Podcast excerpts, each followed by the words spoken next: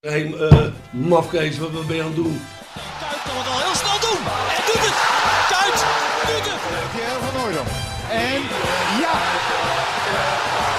het is Pierre van Hooydonkavond. Het is de Pierre van Hooydonk Cup. Met elkaar communiceren, met elkaar praten, dat is toch een heel groot probleem hoor. Natuurlijk staat dit schitterende stadion bekend om zijn sfeer. Maar zoals vandaag heb ik het nog echt uh, zelden meegemaakt. Ik denk dat ik dat gezegd heb, maar dat heb ik niet gezegd.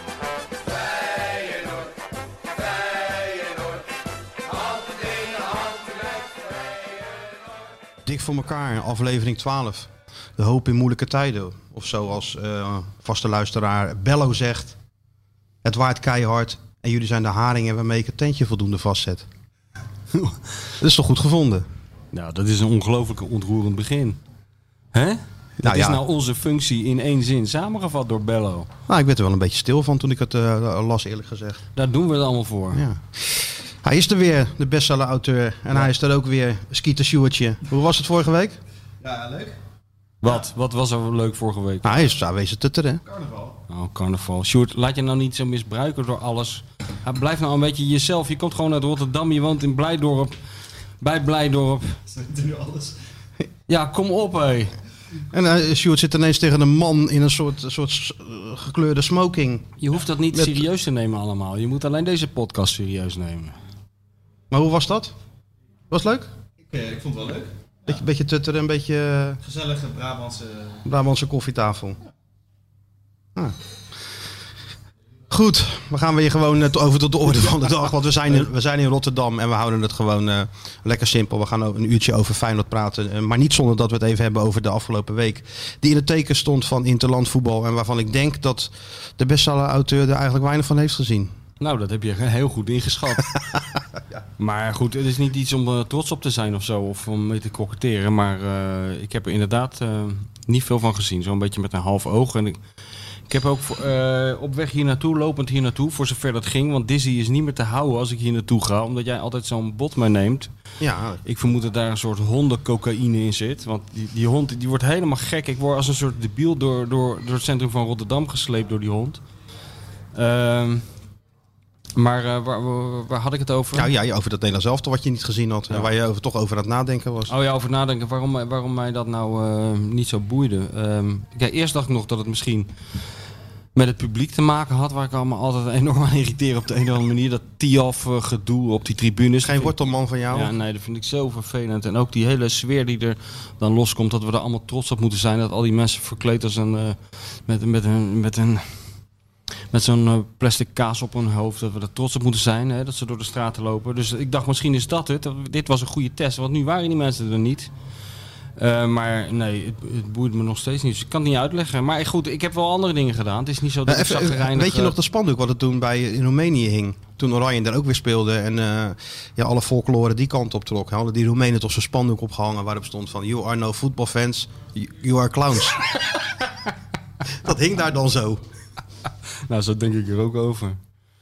Ja, nee, ik vind het altijd heel ergelijk. Weet je wel, het, het, ik, ik, moest, ik, ik, vond het ook altijd heel vervelend als ik dan in dat koerhuis zat met VI Oranje. Weet je wel, dan werd je vijf weken dagelijks in ondergedompeld. Dan s- sliep ik ook in dat hotel.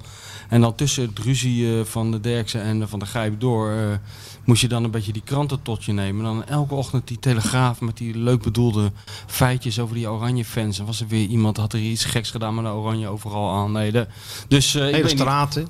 Dus ik heb er eigenlijk geen antwoord op waarom het mij eh, koud heeft gelaten. Ik heb, ik heb weer andere dingen zitten, eh, zitten bekijken. Best wel leuke dingen. Ik heb bijvoorbeeld zitten kijken, om het even, we komen zo weer op Oranje hoor. Ja, maar ja. Ik heb bijvoorbeeld zitten kijken naar Reur. Ken je dat? Dat is die eh, internet, een soort internetzender van Jan Dirk ja, dat ken ik. Ja, ja, ja, ja. Jan Dirk Stouten zit, wel eens, zat- zit of zat wel eens als Feyenoord-kenner bij Voetbal Insight. En eh, hij had dus onze gemeenschappelijke vrienden Casper van Eyck en eh, René van der Gijp eh, te gast. Ik heb het gezien, ja. ja, ja. En eh, ik vond het wel weer leuk. René zei wel weer iets eh, grappigs. Eh, er werd aan hem gevraagd van bij welke club die nou het liefst kwam. En toen zei hij, nou, ik kwam liever niet bij Ajax. Want eh, had René toch altijd wel het idee dat daar de, ze in de veronderstelling leefden dat ze het voetbal hadden uitgevonden. En dat ze ook een hele irritante manier hadden om hem dat de hele tijd eh, eh, te vertellen, ongevraagd. Daar, daar kunnen we ons allemaal iets bij voorstellen misschien. Bij PSV, hoewel hij daar gespeeld had, daar kwam hij ook niet graag, want dan was iedereen altijd boos op hem. vanwege Manolev, weet je wel. En ehm, vanwege dat, soort dingen allemaal. Ik, ik, ik, ik ben daar wel eens bij geweest. Ik heb dat wel eens gezien van dichtbij. Toen, we een keer, toen ik een keer met hem meeging naar een of andere avond voor het goede doel ergens in Brabant. En eh, toen was ook eh, Ronald Koeman daar. En toen had René een paar maanden daarvoor gezegd dat Koeman eh, wel een beetje mocht afvallen. Omdat hij erbij liep alsof hij eh, 17 centimeter ontsluiting had.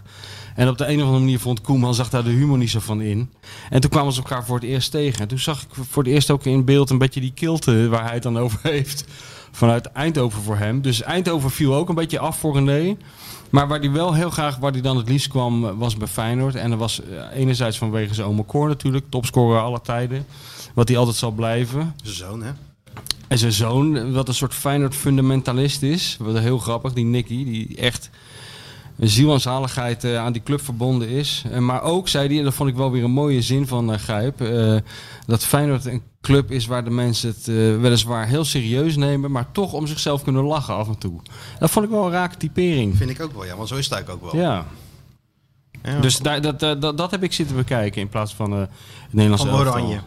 Ja, ook omdat, eh, om nog even door te gaan, en daarna hou ik even mijn mond een tijdje, maar eh, eh, ook eh, denk ik komt het een beetje omdat die hele sfeer rond het Oranje is altijd zo'n beetje hetzelfde. Die uitzendingen en zo. Eh, er wordt Heel gewichtig over gedaan. heel gewichtig, maar ook heel veel. Ik vraag me dat dus af, misschien weet jij dat. Wordt er nou in andere landen ook zoveel over tactiek gesproken? Er wordt eigenlijk alleen maar over opstelling en tactiek gesproken. Hè? Terwijl ik denk van, je kan toch ook andere dingen vertellen in aanloop een keer naar zo'n wedstrijd. In plaats van dingen over de tactiek. Ik vraag me, het gaat ze zo ver achter de komma soms, weet je wel. Ik vraag me af of Nou je ja, daar dat, het is een ander dan. Ik, denk, ik vermoed nog erger zelfs. Ja, denk Ja, ik je? ben bij die toernooien toch geweest en dan, eh, dan, dan zit je eigenlijk in een bubbel. Zonder dat de corona zit je ook in een bubbel. In die oranje bubbel. En dan zie je het ook bij die landen om je heen natuurlijk ook. En ja, als je dan die Argentijnen ziet of Mexicanen. Dat is toch allemaal natuurlijk een graadje erger nog dan hier. Dan, wachten ze gewoon, dan zenden ze een hele training live uit. En op Ja, een gegeven moment hebben ze iedereen gesproken en dan gaan ze elkaar interviewen, die, eh, die journalisten. Nou ja, alleen, maar, om maar wat, alleen maar om maar wat over, dat, eh, over die ploeg eh, te kunnen laten zien. Ja. Ja, en hier gaat het een beetje over de tactiek en de Nou, niet een en beetje, het gaat de hele tijd over de tactiek. Ja, ik heb dat niet helemaal gezien natuurlijk. Nou ja, maar eh, je weet toch hoe het gaat? Het gaat toch altijd zo. Ja, jij zit meestal in het stadion. Maar het is altijd hetzelfde. Tom Egbers heet welkom. En die wordt dan in de maling. genomen door, Ja, de, door, serieus. Pierre van, van der Vaart. Ja, en die gaan onderling een beetje van die grappen maken. En, en dan gaan, ze- gaan ze over de opstelling en de tactiek praten. Maar nou ja, ik, soms verlang ik wel eens een beetje naar zeg maar, de Bert Maalderink-achtige types die eens een keer iets anders doen. Ja, maar Bert is net er al van afgehaald van, eh, van Oranje. Ja, vind ik jammer. Ik vind het ook jammer, ja. Maar ja, dit is wel een heel zagrijnig begin voor eh, iets wat als eh, hoop, voor, hoop in bange dagen te boek staat. Ik bedoel, eh, kan jou het verder schelen wat ik van Oranje vind? Wat vond jij ervan? Jij bent erbij. Jij zat er weer met je neus Ik vond er ook niet zo heel veel van. Ik, bedoel, ik, nee, ik geloof niet dat we onze... Want ik vraag het ook omdat... Ik geloof onze miljoenen luisteraars ook niet echt op Oranje zitten te wachten momenteel. Zeker niet eh, de echte Feyenoord eh, Het supporters. is altijd een raar, hè, die verhouding van de, van de fijne supporters met Oranje. Het is nooit heel erg warm geweest. Nee, ze moeten wel gewoon in de Kuip spelen. Want dat is Ja. het beste stadion en het beste veld. Maar verder stelt het eigenlijk weinig voor. Ik heb, ik, ik heb Piet Stevens erover gehoord. Jij ook of niet? Ja, Piet, Piet. Stevens. Piet is geen fan van eh, Oranje. Zeker niet van de, van de bondscoach. Ja. Heb je dat fragmentje, Stuart? ja, dat is heel mooi. Ik, ik, ik vond het ook een van de... ja. Piet Stevens moet misschien even uitleggen. Ik werd dus gebeld door Frank Stout. Dat is een verslaggever van eh, RTV Rijnmond. En die ging dus een filmpje maken over Piet Stevens. En die wilde daar met mij over praten. Want ik ken die Piet al lang. En ik heb, de Piet is dus een supporter. Ik denk dat nou, vrijwel iedereen die... eh, die de Kuip eh, heeft bezocht de afgelopen jaren, kent hem wel. Want hij was de man die programmaboekjes verkocht hè, bij, de, bij dat grote hek. En aan de noordkant ongeveer, op het parkeerterrein. Eh, maar ik ken hem al sinds eh, de jaren negentig, toen hij dagelijks als supporter eh, langs het trainingsveld stond. Ik ook. Toen dat nog kon, iedereen kende hem. En ja, dat is echt een heel apart figuur. Ik kan me herinneren dat ik een keer bij de wedstrijd PSV Feyenoord ben geweest, waarin Jean-Paul van Gassel zijn been brak. Ergens in de tweede helft geloof ik. En die werd toen af, afgevoerd. En ik ben toen van de tribune afgegaan. Ik ben naar zijn huis gereden. En ik heb daar zitten wachten. tot hij thuis kwam. Hè? Voor, omdat Participerende Nee, journalistiek. nee, voor of de? Feyenoordkrant die werd er op zondagavond of zo gemaakt. Dus er moest er snel iets je, moest, gebeuren. oh, je moest actueel zijn. Ja, we moesten Oh, nee. oh nou. Actueel, nou, het- was wel heel comfortabel actueel zijn. Want ik zat gewoon met een biertje op de bank te wachten tot hij met schipspoten terugkwam. En eh, overigens moet ik elke keer als de naam Jean-Paul van Gastel eh, valt even zeggen dat het wel doodzonde is dat hij nou in dat verre China bezig is. Dat zal ongetwijfeld heel veel leuke avonturen opleveren. Maar dat is nou iemand die ze wel had kunnen gebruiken, denk ik, in Varkenoord. Als je hoort waar advocaten altijd over klaagt, weet je wel. Dat die spelers ook een beetje de mentaliteit en de, de ballen missen om eh, in dat eerste te komen. Dat, dat had hij er nou goed in kunnen brengen. Maar goed, dit geheel terzijde. Dit terzijde, want hij heeft hier natuurlijk gezeten ook. Hè? Ja, en, ehm, maar goed, hij had dus eh, die gipspoot en zo. En eh, toen na, na een tijdje, tegen de tijd dat die poten, dat gips er weer af eh, mocht, toen kwam eh, Jean-Paul naar me toe. Hij zegt, eh, die Piet Stevens is naar me toe gekomen. Dat was ook een verzamelaar. En die heeft aan mij gevraagd of ik aan de chirurg kan vragen of hij die gipspoot heel netjes een beetje recht wil afsnijden zo meteen. Want hij wil die gipspoot hebben. Wat moet ik nou doen? Ik zeg, ja, wat kan jou het schelen? Geef die man die gipspoot. Zet, zet je handtekening erop en geef hem dat ding. En eh, dat heeft hij gedaan. En eh, toen ben ik eens een keer bij die Piet Stevens thuis geweest. En toen stond die gipspoot pontificaal op de salontafel. Want zijn vrouw had er dus een bloemenvaas van gemaakt. Dat ding had dus twee maanden lang om die, om die poot van Van Gastel gezeten. En ze hadden nou de En bloemen er zaten nou. Als rood-witte had ook gekund. Rood-witte bloemen zaten erin. En eh, toen nam hij mij dus mee naar boven, naar zijn kamertje, naar zijn museum. En dat was gewoon waanzinnig wat hij in 30 jaar bietsen, want daar was hij heel goed in, had verzameld. Weet je wel, De- je zag de gekste dingen had hij in zijn hij. bezit. Alles had hij. Hij vroeg aan die spelers ook, heb je nog dit, heb je dat, heb je zus? En de meeste Hij- gaven hem ook wat, hè? Hij vroeg het ook aan, aan mij, omdat hij wist dat ik meeging, weet je wel. En dan, dan, dan bijvoorbeeld ging, ging ik naar een, wedst- eh, een toernooi of zo, in, eh, of een trainingskamp in China. En dan van tevoren zei hij van, eh, wil je de folder van het hotel meenemen en de boarding pass en eh, de, de opstelling en zo. Maar dat deed hij bij die spelers ook. En dan kwam hij wel eens om vier uur s'nachts of zo met die bus aan bij de Kuip. En dan stond, Dan hij, stond daar. hij daar, ja. Stond hij met een bos bloemen, omdat Hen Henke Larsson eh, jarig was. Dan gaf hij hem zo een bos bloemen. En ondertussen vroeg hij aan iedereen... Alles wat los en vast zat, was een soort extra was het. Ja, is wat extra.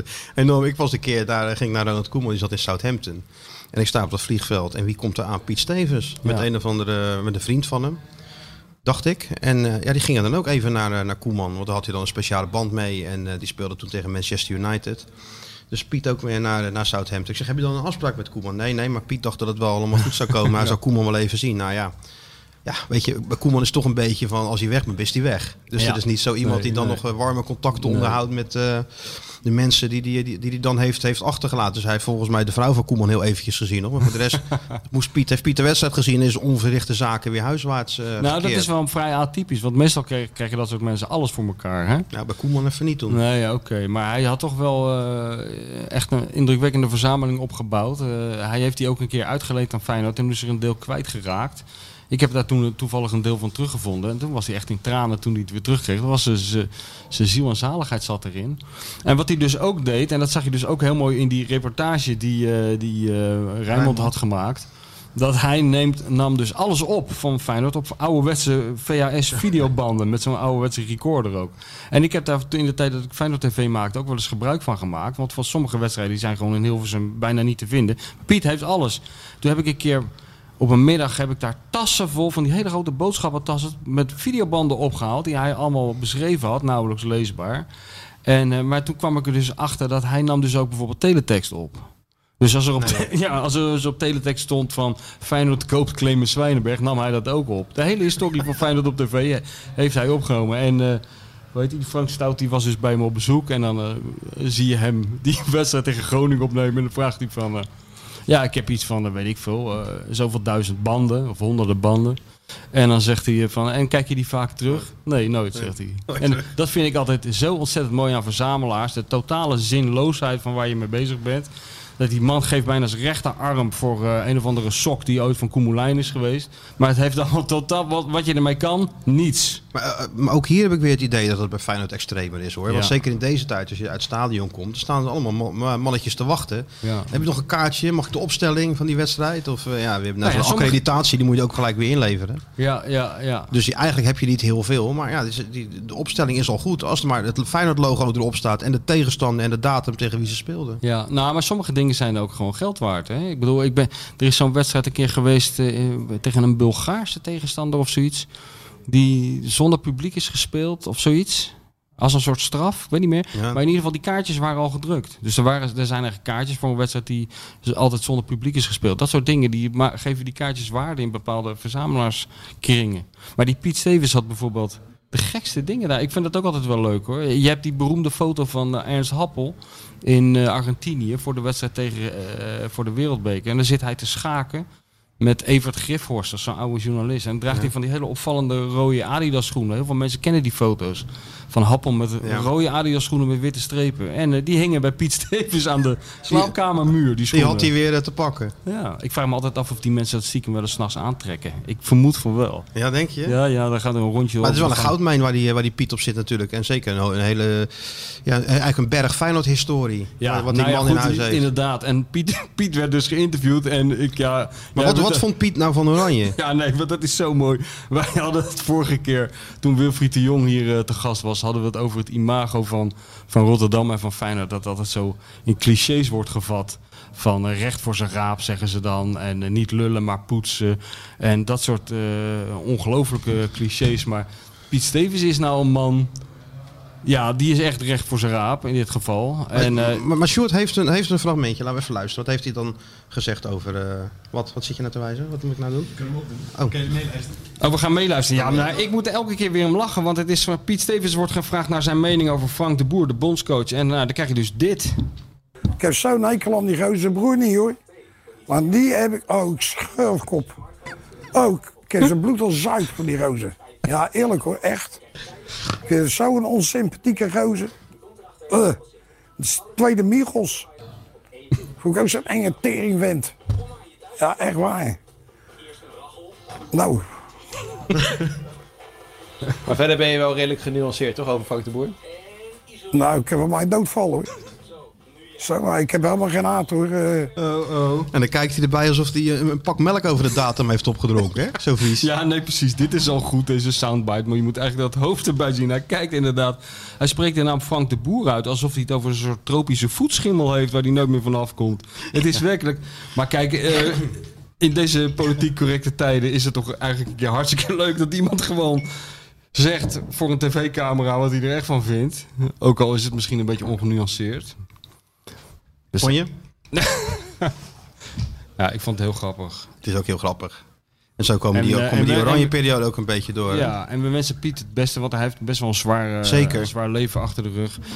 Zijn zoon is, eh, is omgekomen bij een verkeersongeluk. Ja, de in Maastunnel, hè? In de Maastunnel, ja. Ja. Heel tragisch. Dus, eh, en hij is zelf eh, zijn gezondheid laten wensen over. En dan moet hij ook dus stoppen met zijn baantje bij, bij de Kuip. Met Ja, dat is triest. Dat is allemaal triest. Maar je ziet dus... hij hoorde gewoon bij Feyenoord. Hè? Als hij Ja. naar Feyenoord kwam, naar de training of zo, dat stond Piet. Ja, te zeuren of hij, of hij iets... Of hij nog iets had, of hij nog. Daarom. Dat, dat, dat was een soort van...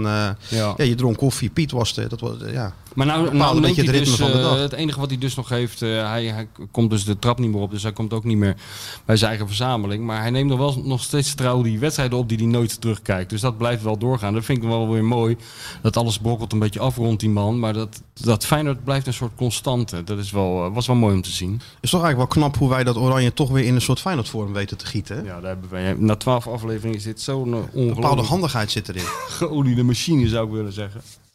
Misschien ook wel aardig als we... eh, kijk, deze, deze bomvolle topshow, want er staat nog heel veel te gebeuren. Heb je eens, eigenlijk nog niet eens gezegd, maar er worden nog prijzen uitgedeeld. Jingles gedraaid. Nou, Alles komt weer, eh, komt weer voorbij. Maar dat we de, de, de rubriek Ja, hallo met Mario even wat naar voren halen. Want we kregen net al eh, dringend bericht dat eh, de gast moest de deur uit of zo. Wat was er nou? oh ja? Ja, dat zei Obama? Toch? Toch gelukt, Sjoerd, Obama? Moeten we al zeggen wie we gaan bellen? Of, moet het Ja, gewoon, of is het gewoon een keer leuk om... is jou, ik bedoel, op- Jij bent de host. Ben ik de host van dit? Oh, jij bent de host van het Joegelul andere. van de Feyenoord Watcher en de bestseller-auteur. Het is tijd voor iemand die echt kennis van zaken heeft. Ja, hallo met Mario. Hallo, Blijft goed hè, deze. Hans, Laai Lichters. hoe is het? Hansie. Hi, Michel, Martijn. Storen we je? Want jij moest opeens de deur uit, hoorden we. Nee, nee, nee, nee, maar jullie zeggen tussen 11 en 12 en met jullie kan je gewoon geen afspraak maken. Oh ja, hoe laat is het nu dan? Ik, ik kijken, ben hoor. helemaal opgeslokt in mijn eigen Kwart, het is alweer kwart voor twaalf, joh. Kwart voor twaalf. Ja, ja, ja, nee, maar goed, eh, we zijn er. Ik vind het hartstikke leuk in, eh, in eh, deze, deze zeer indrukwekkende podcast, ja. Ja, dat zeg je goed, Hans. Ja, Dat zeg ja, je goed. En je, zit, je zit in de rubriek Ja, hallo met Mario. Ja, zal ik opnieuw, zal ik opnieuw opnemen? dat zou misschien wel leuk zijn. Nee, Mario is goed. Mario Ja. is goed. Hey Hans, ja, je zit in de, niet, voor niks in de, in, de- in de Feyenoord podcast. Omdat jij natuurlijk van origine ook gewoon een, een Feyenoorder bent. Dat kunnen we toch wel gewoon zeggen. Ook al doe je voor Fox alle clubs. Ja, tuurlijk. Nee, ik bedoel, eh, als je eh, toch een beetje groot eh, gebracht bent een aantal jaren op Varkenoord, dan eh, kan je moeilijk zeggen dat je, dat je op de toekomst eh, bent geboren, toch? Nee, joh, dit- het is toch eigenlijk waanzinnig, Hans. Als je, ik, ik zat eraan te denken toen ik hier naartoe liep. Eigenlijk vanaf de invoering van het betaald voetbal in 1956 loopt er een kraai in de kuip. Jouw, va ja, jouw vader als, als tegenstander, Oh, Dos, speelde je Ja. daarna als speler, dan twee keer als trainer, dan als analist, als commentator. Toen kwam jij als voetballer eh, huishouden. Toen de, Ja. toen de bloedspetters, bloedspetters waren opgeruimd en de bosplint, bosplinters aangeveegd. Toen zagen we je Ja. weer als, eh, als verslaggever terug en zo. Je- Al 66, vij- 65 jaar lang loopt er een kraai door de kuip. Dat is wel leuk, toch? Ja. Ja, ik hoop dat de mensen het ook een beetje leuk vinden, want eh dat krijg, je kan ook een, een krijfobie hebben. Maar, maar, maar jij, jij zegt net van als de splinters eh, en het bloed zijn opgeruimd, maar ik moet in één keer denken aan Dumfries. Mag dat? Want het, de- ja, die speelt niet bij Feyenoord, hè? dat weet ik Nee, wel. maar dat mag.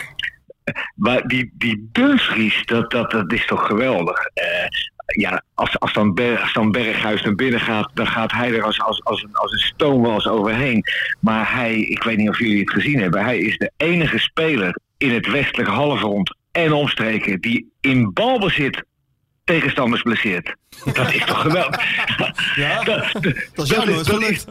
Nee, dat is mij nooit gelukt. Ik had de bal ook niet zo vaak. Dus, eh, maar dit is toch geweldig. Zag je die, die volgens mij was het de 3-0. Kwam hij, kwam hij Berghuis naar binnen en gaf hij de assist op Depay, klopt dat? Hij liep gewoon door toen, volgens mij.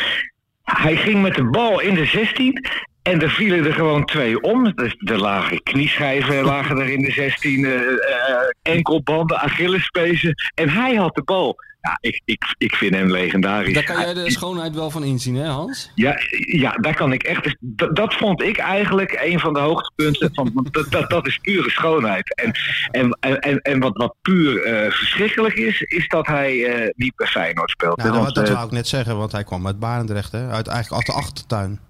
Ja, uit de achtertuin. En, en, en ik bedoel, eh, dan kan je wel als, eh, als eh, scout elke keer het vliegtuig instappen naar, naar Zuid-Amerika en Denemarken en weet ik het wat. Maar als dan gewoon eh, Van Drongelen en eh Dumfries bij je in de achtertuin spelen bij Sparta. Ja, dat vind ik wel echt wel een, een enorme gemiste kans. Want als, als iemand een, een Feyenoord-speler is, dan is het Dumfries wel. En hoe komt dat, denk je? Ja, eh, niet opletten. Dat, dat ze liever vliegen dan, eh, dan rijden. Hm. Scouts. Dat gedoe. Nou ja. Maar Dit ja, was of, het? Of je nou met, nee, nee, maar of je nou met een lege portemonnee in de auto stapt of met een lege portemonnee in het vliegtuig stapt, dat heeft allebei niet zoveel zin. Nee, maar ik, ik, ik, had nou niet de indruk dat, eh dat Dumfries eh, onbetaalbaar zou Nee, zijn. eh, niet, Feyenoord. nee. Weet je, hè? ik bedoel, voor, voor, voor een paar miljoen had je Dumfries en Van Drongen. Nou, Van Drongen, dat weet ik niet of dat echt... Maar Dumfries is natuurlijk echt wel een speler die bij Feyenoord had moeten spelen. Maar goed. Wat vond je van, wat vond je van Berghuis, eh, Hans? Je hebt Oranje natuurlijk op de voet gevolgd. Ja, ik, eh, ik moet eerlijk zeggen.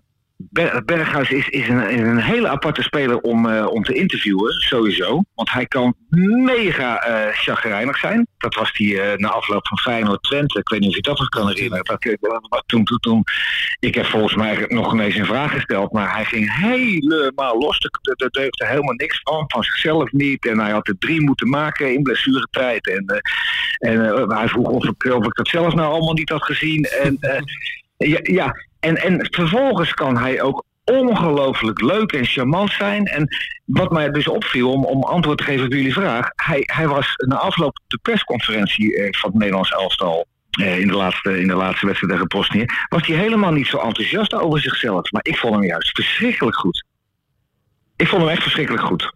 Ja, het is een beetje een aparte gozer, hè? Want dat, dat gedrag wat jij nou, eh, nou kenschetst, dat heeft hij natuurlijk ook. Als hij s ochtends op de training komt, dan weten ze ook maar nooit hoe zijn, eh, hoe zijn pet er, eh, erbij staat. Is hij Ja, is dat vrolijk? zo? Ja, ja, ja, het is wel een beetje een jongen die verschillende stemmingen met zich meebrengt. Dus inderdaad, Dus hij- ook, dus ook naar wedstrijden.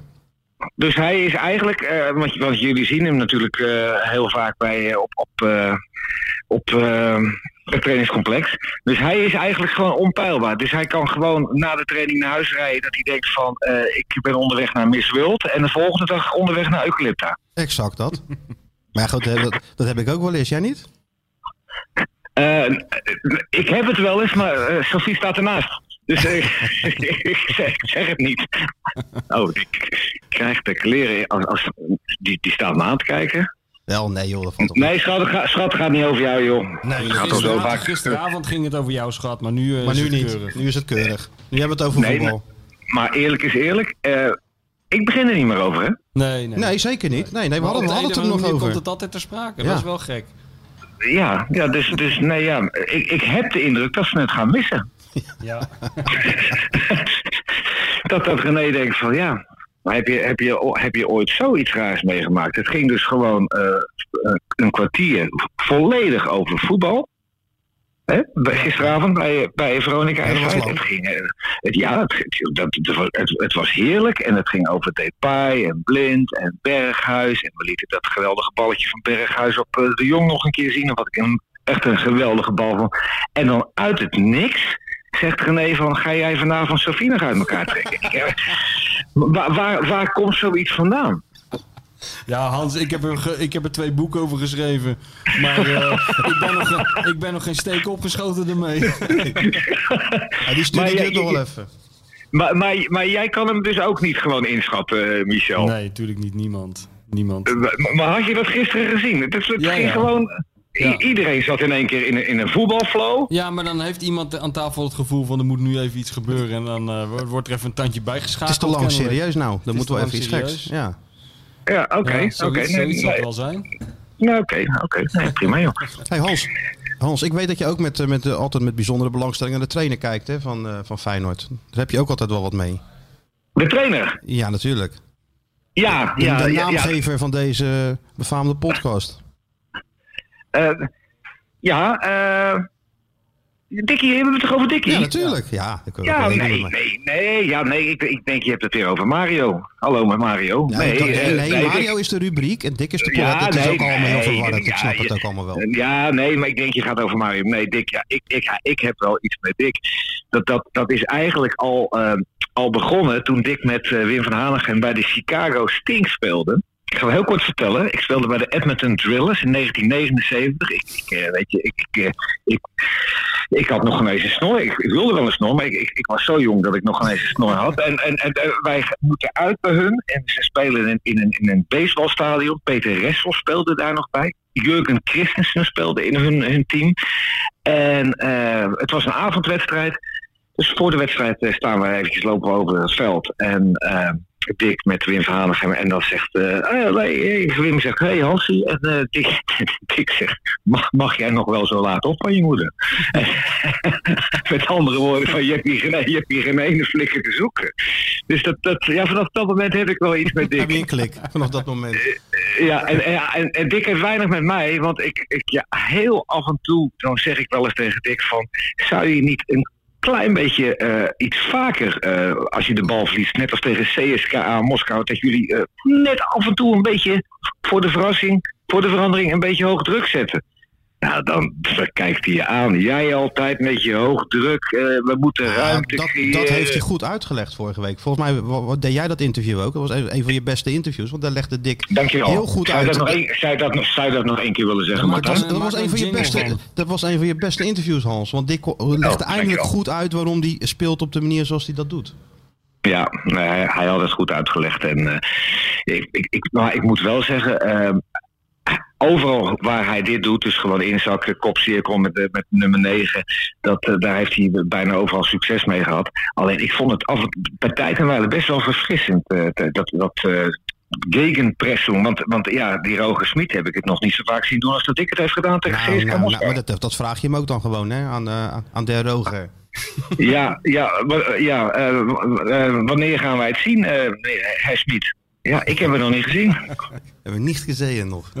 Nog, nee, we hebben nog niet, eh, niets daarvan gezien. Nee. Hey, Hans, nu we het toch hadden over, over Dick hadden en ook over, eh, over, over Wim van Hanegem. eh, Zie jij nou voor jezelf niet een rol weggelegd als een soort Bert van Leeuwen die met zo'n limousine langs die, die adressen gaat en, en die twee mannen toch weer bij elkaar brengt?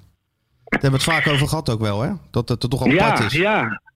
Ja, nou, nou ja, goed, dat, dan is de cirkel rond. Chicago, eh, dan, dan, dan eh, ja, hadden ze allebei een beetje heimwee. Volgens mij zaten ze in hetzelfde appartement. Eh, die gingen dan Anne Murray draaien. Nummer you, you, you Needed Me. En dan, dan pinken ze allebei een traantje weg. Ja, die hebben echt wel veel van elkaar gehouden. En die hebben ook wel, wel elkaar vervloekt.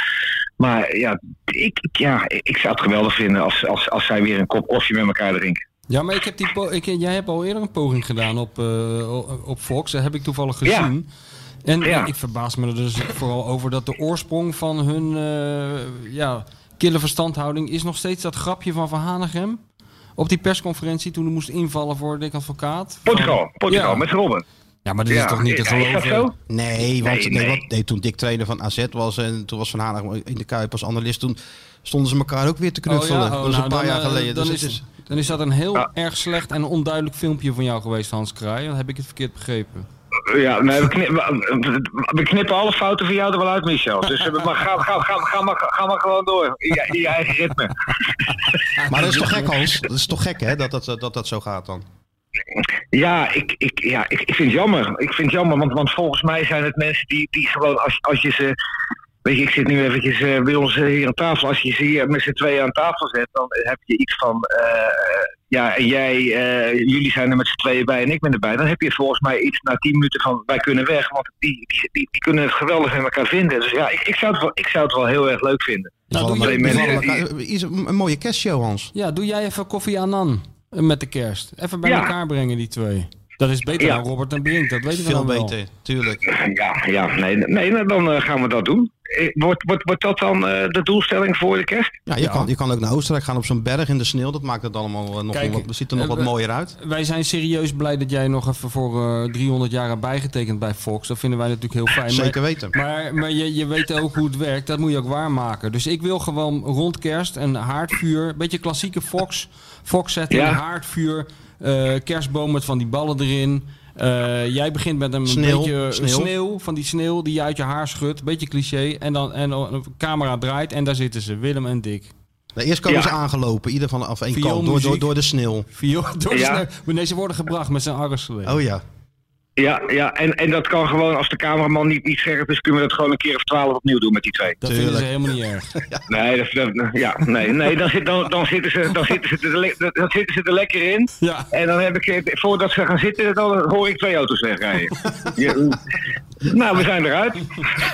Neem dit huiswerk mee, Hans. Wij bedanken Ja, jou hartelijk voor je, voor je eerste... Eén ding tot slot nog, Hans. Want Oh. eh, we, houden toch een beetje bij, eh, bij Feyenoord. Ehm, wat Ja. vind je, wat voor indruk ze maken? En geloof jij dat ze, want ze staan drie punten achter op, eh, op Ajax momenteel. Denk je dat ze dit met deze selectie, onder deze omstandigheden, lang vol kunnen houden?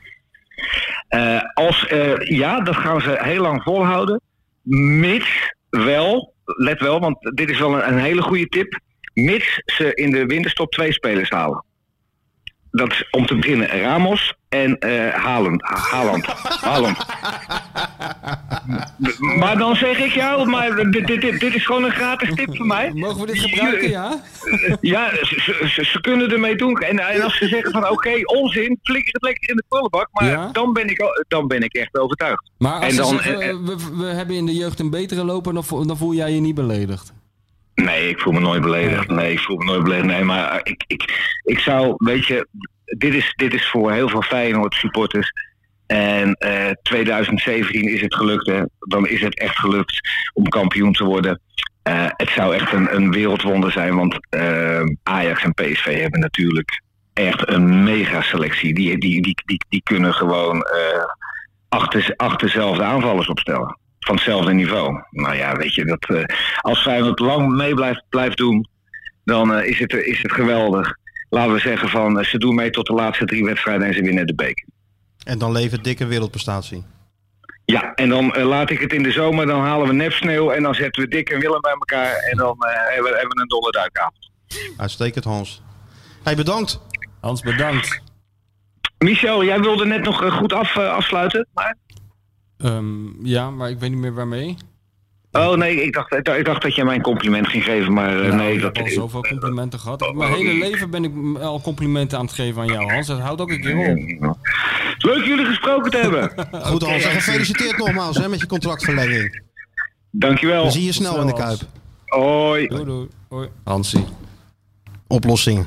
Toen zei hij nou Ramos en Haaland. Ja. Dat je daar zelf niet op komt, hè? Ongelooflijk, ja. Briljant idee. Ja, nou, er gaat wel wat gebeuren in de winterstop natuurlijk. We hadden het over onze, onze vriend Berghuis. eh, wat, waarvan je toch wel weer de geruchten hoort dat de AS Roma nog een keertje gaat, eh, gaat komen. Ze zijn natuurlijk al geweest afgelopen window. Eigenlijk te laat, op de laatste dag eh, dat ze zich nog even melden. Maar Berghuis voelde er zelf natuurlijk ook wel wat voor. Die had al wat eh, voorwerkzaamheden verricht. Zich eh, laten informeren over de, over de club. Maar het was gewoon te kort dag. Dus best kans als die, als die Romeinen nou weer komen. Dat het, alleen het gekke is wel dat die clausule die geldt in de zomer van 8 miljoen. Die geldt dan weer niet in de winter. Dat is heel raar. Dus Feyenoord kan in de zomer 8 miljoen vragen. En in de winter zouden ze 60 miljoen kunnen vragen. En in de zomer die daar, daar volgt weer minder geld. Ja, dat is een hele ingewikkelde eh, clausule die, die Sjaak Troost erin heeft gefietst. Maar welk idee zit daar dan achter? Weet ik veel wat voor idee erachter zit. Sorry, ik heb geen idee wat voor idee, wat voor idee erachter zit. Apart hè? Nou, heel vreemd, ja. Misschien dat Roma het wel doet als ze zeggen hij kost nu 60 miljoen. Ja. Dat ze, denken, dat ze het niet ja, weten dat, het, dat het een zomer later dat de ze- 7 ja. is of zo. Of dat ze niet uitmaakt. Ja. Nee, maar kijk, en verder is er natuurlijk nog wat te doen om, eh, om de keepers. Ja. Maar, maar even Bijlo, over ja? hoe, hoe, groot eh, schat je de kans in nu? eh, eh, groeit die? 50-50. Oh ja? Hm. 50-50 schat ik hem wel in. Ja hoor. Hm. En we moeten nog een keeper hebben of niet? Wat vind jij?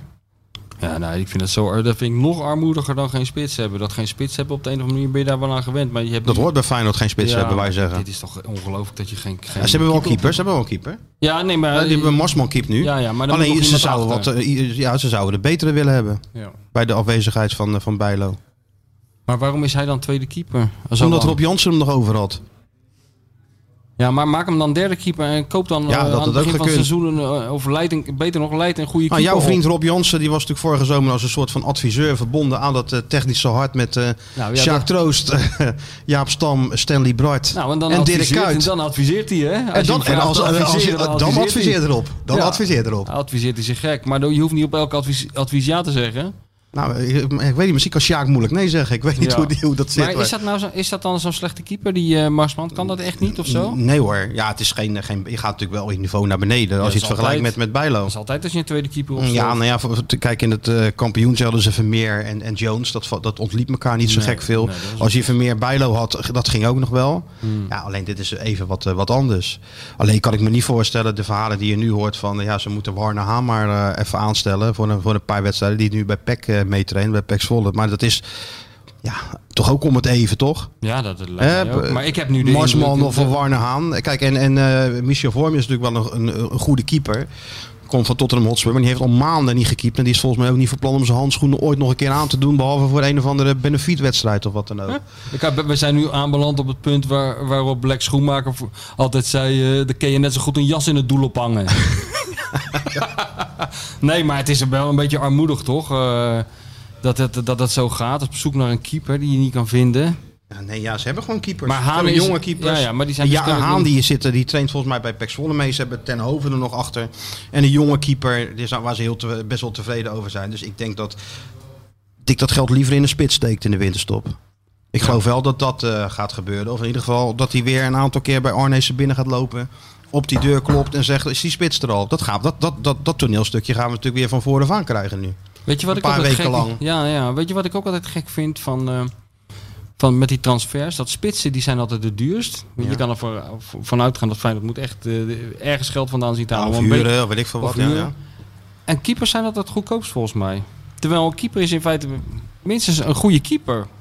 Pakt ook punten voor je. Is- Nou, nou en of. Hè? Dat is toch gek? is keepers, ook gek. keepers zijn goedkoop. Je ziet ook weinig Waarom? transfers met keepers, hè? Ja, maar het is toch ook helemaal niet zo dat, dat, dat er een overschot aan hele goede keepers is? Want anders zat je nou niet in de problemen. Nee, de eerder een schaarste. Zeker. dus ze zijn schaars en toch zijn ze goedkoop. Nou, Nou ja, die Kepa die gaat natuurlijk voor 80 miljoen Ja, naar, nee, naar Chelsea en zo. Maar de uitzondering maar- daar gelaten. Maar Maar, gemiddelde zijn de spitsen gewoon twee keer zo duur. ja. Maar goed. ja, goed. Ja, keeper worden. Ja, had jij keeper, had jij keeper willen worden? Nou, tuurlijk ja. Als ik, heeft op een gegeven moment eh, als kind... Ik denk dat heel veel kinderen wel een periode hebben gehad dat ze keeper- keeper willen. Lekker door Nee, die modder duiken. Ja, tuurlijk wel. joh. Nee, Jan- man. Jan van Beveren en met die, met die handschoenen aan. Tuurlijk. Beetje door die... Johan Derks is ook keeper geweest vroeger. Is Johan keeper geweest? Als jongetje. Ja, tuurlijk. Wie was nou zijn voorbeeld ook alweer? Bij toen Frans de Munk, hè? Ja. ik ben er net over aan het schrijven in zijn eh, boek. Ja, ik weet het. Ik heb, Ja. de anekdote verteld. Top. Ja, dan moeten de mensen het boek maar lezen. Ja, dan moeten ik. mensen dat boek, als het ooit afraakt... eh, Als het de afraakt, daar gaan we het nog wel even over hebben hier dan. Maar Ja, dat is wel sowieso al een leuke anekdote. Ja, ja, ja. Nee, ja, keeper worden. Ja, nou ja, goed. Als je niet kan voetballen, word je keeper, zeggen ze wel eens toch? Ja, nou, ik begrijp dat nooit hoor, dat deed Denver. Maar misschien komt dat, dat ik, ik was als jongetje, dus toen ik net eh onder de indruk raakte van voetballen en het Nederlands elftal en het WK, toen had je dus nog Jan van Bever als keeper. Nou, dat was... Ja, die heb ik nooit gezien. Nee. Nee. Ja, dan lulde je wel anders als je dat gezien. Maar, Nee, nu, maar ik heb wel andere goede ik, ik, keepers ik, heb gezien nooit, eh, ik heb dat nooit gehad, die minachting. die- Van de Gijp heeft dat ook heel erg en Johan ook. Van ja, keepers, dat zijn eigenlijk een soort van eh, aanhangsels die je niet helemaal serieus kan nemen. Die moeten er nou eenmaal staan. Maar ik vind dat helemaal niet, man. Goede keepers, ook eh, qua, gewoon qua uitstraling, zijn ook altijd een beetje gek. Is net te gek. En En je moet, je, eh, moet er maar, naar- je moet er maar zin in hebben. Als ja, keeper. nee, met, met, precies. hè, en toen is, met Feyenoord. trainen, ik heb altijd die deze trainen drie keer zo hard als die spelers. Ja, je hebt toch ook wel eens achter het doel gestaan bij Ette Goeie en, Jezus, en, die Doesburg. En die Doesburg. Ja, maar dat was alleen om. eh daar heeft Hugo Borst zo'n ontzettend goed verhaal over geschreven. Hè. Dat is zo'n goed idee geweest. Hugo is zo eh, eh, vooruitstrevend geweest in, dat schrijven over voetbal. In heel veel opzichten.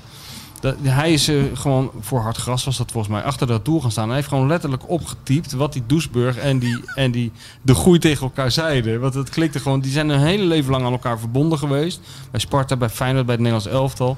En klikte totaal niet. Want Pim nam alles serieus en er was he- helemaal gefocust en eh, Ed had dat wat minder. Dus, en Hugo heeft het toen het briljante idee opgevat om dat allemaal letterlijk te noteren. Dus dat, dat ging dan weer van eh, zo lang, een lul, eh, pak je nog eens wat en dan houd er eens je bek, zei de goeie dan. En zei hij, dan zei hij van ja, zeker weer de hele dag taartjes zitten eten bij je vrouw thuis. Op die toon spraken ze bij Ja, ja, elkaar. ja, ja. Dat was haat-liefde, hè, was het tussen Dat was die... eh, haat-liefde, ja. Ah, Doesburg was wel extreem. Kan je nog herinneren dat Feyenoord toen een Amerikaanse keeper op proef kreeg? Mhm.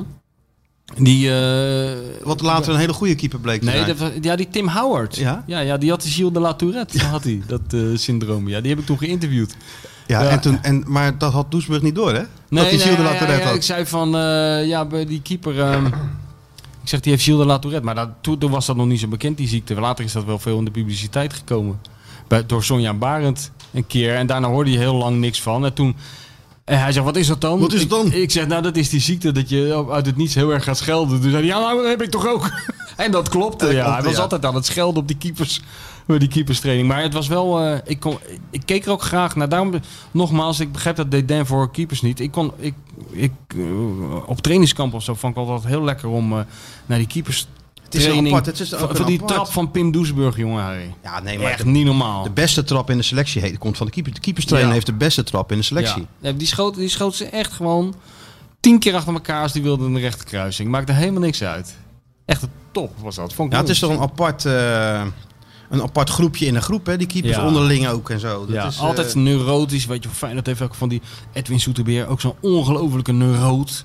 ja, hij wel in leuk. zichzelf ging praten tijdens de training. Weet je wel, van kom op, je kan het. En dat, dat soort dingen allemaal. Goed man. Ja, mijn, eh, eh, Mikos, mijn collega van het AD, die vertelde ooit het verhaal dat hij eh, een keertje met, eh, met Feyenoord mee was geweest. Jaren geleden speelden ze ergens in Oostenrijk, in, eh in Kenten ergens, zo'n zo'n eh, zo'n Europa Cup wedstrijd. Ik was er dan niet bij, maar hij wel. En er was zo'n zo'n stadionnetje waar dan niemand in zat, maar wel... Weet ik veel hoeveel Feyenoord supporters mee. Ja. En, dat, en die zaten dan ook achter die perstribune. En die, zoet, die kon dus gewoon over het veld schreeuwen, wat nu ook kan, kon daar ook. En dan eh zoete bier, zoete bier. En dan zoete bier eh, zijn duim opstreken en dan eh, lul. Dat hij dat gewoon zo hoorde en dan meteen, meteen eh, over, over zijn toer. Hè. Ja. Verhoorde vertelde altijd dat hij in die, echt in, in, in- net in die verkeerde eh, kleding binnenkwam hè, bij, eh, bij Feyenoord. ja, ja, dat kan wel ja. Ik weet wel dat hij Van die altijd- Volendam mode. Ja, ja, ja. Hij was wel altijd als eerste op de club, weet ik nog. Hij kwam van van, van, van jaar van Volendam. Hij was altijd heel vroeg. Hij was echt een zo'n zenuwachtige keeper, weet je wel. Altijd ja, bezig. is- Ook altijd bezig met de concurrentiestrijd. Altijd bang dat, hij, dat die andere keeper beter was of werd voorgetrokken. Dat op de training ruzie krijgen van... En dan had je Lodewijks, weet je wel, die op een gegeven moment Die was wat rustiger. Nou ja, nou, die, die, die, die speelde ook een soort een beetje van die psychologische spelletjes. Om hem een beetje uit zijn... Uit Omdat ze wisten dat het werkte. Ja, omdat ze wisten dat het werkte. Wel altijd goed, weet je Hij toen dat roze, weet je nog? Dat ging er Ja, heel dat- snel weer uit Ja, ook. dat ging heel snel uit, ja. Ja. goed man, die keepers. Ja, wel goed. Alles moet dan netjes. En de handschoenen. En eh, er is een heel Ze kunnen vaak slecht tegen kritiek. subcultuurtje. Valt me ook altijd op. Slecht tegen kritiek. Ja, keepers kunnen vaak slechter tegen kritiek volgens mij dan, eh voetbal, dan zijn veldspelers. Ik heb niet zo vaak een ruzie gehad of zo met de spelers die moeilijk gingen doen. Of zo, maar, oh, Maar met keepers af, wel? Af en toe wel eens met een keeper, ja. Konden daar niet tegen. Met wie dan? Nou, ook wel eens met die zoete bier. Was ook het overigens snel weer opgelost hoor. Dat mag ook. Ja, het is echt, Maar ze zijn licht geraakt omdat eh, ze hebben ook vaak, het, en dat snap ik ook wel, ze hebben natuurlijk het idee dat zij iets doen wat eh, een beetje apart is van de rest, wat niemand verder snapt. En dat zou ook best wel kunnen. Is ook zo. Ik weet het niet. Ja. Heb je er alweer zin in? Waarin? Nou ja, je eigen rubriek. Nou, waar Je ik geen- eigen waar- jingle. Waar, ik geen zin in heb, Je eigen jingle. hebben. Die jingle die is zo ontzettend slecht. Vind je? Ja, die is echt alles Ik vind, ik vind dat hij wel wat heeft hoor. Ja, hij heeft wel wat. In al zijn onbeholpen slechtheid heeft het wel iets. En wat vind je er dan precies slecht aan? hoor? Ja, het is... Wat wil je nou nog meer dan een jazzmuziekje met Ja, daarop de daar stem van Peter Houtman? Een en al positiviteit. Ja. Dat is toch wat deze rubriek uitstraalt voor de mensen. Mhm. Of moet uitstralen voor de mensen. Ja, ja. Nee, nou gooi hem er maar in, eh, DJ Sjoerd. Ben jij klaar met al dat gedoe en zie je het licht aan het einde van de tunnel even niet? Bedenk je dan, het leven is mooi. En Michel komt nu met de rubriek Nu even niet. Het is echt... Ik denk dat serieus dat mensen dit gewoon af en toe even terugspoelen om te horen of dit echt gebeurd is. Ik denk dat ze terugspoelen, dat ze dan een keertje of tien luisteren en dan weer de dag de, tegen de, de, de dag Dat in mensen hier kunnen. een ringtoon van maken. Ja? Gewoon op repeat zetten op een, eh, op een iPhone, een koptelefoon op en een hele dag eh, luisteren. Ongelooflijk. Houtman in je oor. Ja. Nou ja, oké, de rubriek. ehm, kijk, dat, daar heb ik nog helemaal niet over gehad, maar... ehm, Jij bent natuurlijk verschrikkelijk in gebreken gebleven. Want ik heb gis- gisteravond tot heel laat zitten wachten op het draaiboek als handvat voor deze uitzending. En al wat er kwam, geen draaiboek. Nee, maar Helemaal niets. kwam die. Vanochtend dus kwam die. Totaal, ja, vanochtend kwam Ja, die. ja. kwam die. Zei dat vroeger tegen Derksen ook als de VI eh, gedrukt moest worden? Nee, morgen, morgen komt het. Zetten we in het volgende nummer het nieuws. Nee, de- nee, dat was meestal de eindredactie die dan belde. Bert Ja. Nederlof. Van, eh, heb je je stuk al af? En dan zei ik, het wordt waarschijnlijk morgen, Bert. En dan zei hij altijd, hè, Ja, ja, dat zijn de betere eindredacteuren. Ja. Niet al dat gescheld, dat werkt wereldman. Bert. Ja, wereldman. Helaas overleden. Ja. Veel van geleerd. Ja, tuurlijk man. Bert Nederlof. Ja, hij, had, hij had ook al die eh, data van die wedstrijden in zijn hoofd, hè? Ja, ja, heel veel, alles wist hij. Ongelooflijk, ja. Ja, alles wist hij. En hij kon goed met die sporters allemaal omgaan. Niemand had de hekel aan Bert Nederlof. Niet, nee, precies.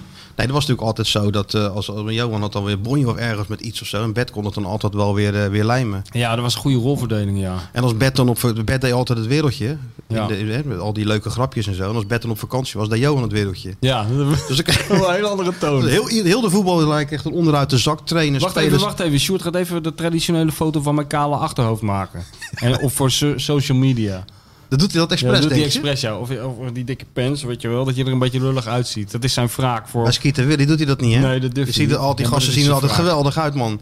Maar ik denk dat hij ze door de Photoshop haalt zelfs daar. ja, ja. Nee, maar... Maar goed, ehm, anyway, dus hij zeek heel die voetballerij zeekt hij eraf. En dan zette hij eronder samenstelling Bert Nederland. dus als hij terugkwam van vakantie had Bert ook weer van alles te, Ja, te ja. lijmen. Maar dit geheel terzijde. Goed, eh, nu even niet. Ja, oh ja, nu even niet. Nou ja, ik, ik was, eh, doordat ik dus eh, helemaal geen houvast had in deze toch wel turbulente tijden. Dat zijn dan de, weinige dingen waar je je aan vast kan houden, die is, het, is er dan niet. Dus ik moest weer improviseren voor deze rubriek. En eh, opeens herinnerde ik me dat wij het na het koffiedrinken, want even voor de miljoenen luisteraars thuis, ook na deze podcast lullen wij gewoon nog onder het genot van een kopje koffie verder. Hij kan eigenlijk ook gewoon opgenomen worden. Kan ook gewoon, het is allemaal even interessant. Eh, en toen kwam ik er dus achter, toen hadden wij het over boeken, sportboeken, voetbalboeken. En toen kwam ik er dus achter dat jij eh, een van mijn favoriete boeken drie keer hebt gelezen. Namelijk het boek Het Wonder van, Van Castel di Castel di Sangro, Sangro. zeker weten. Van Joe McGuinness. Jij mag straks aan de luisteraars vertellen waar het over gaat. Want jij hebt het tenslotte drie keer gelezen. Ik heb het ook eh, twee keer gelezen. Ik heb die McGuinness wel zo aan de telefoon gehad, gek genoeg. Echt waar, joh.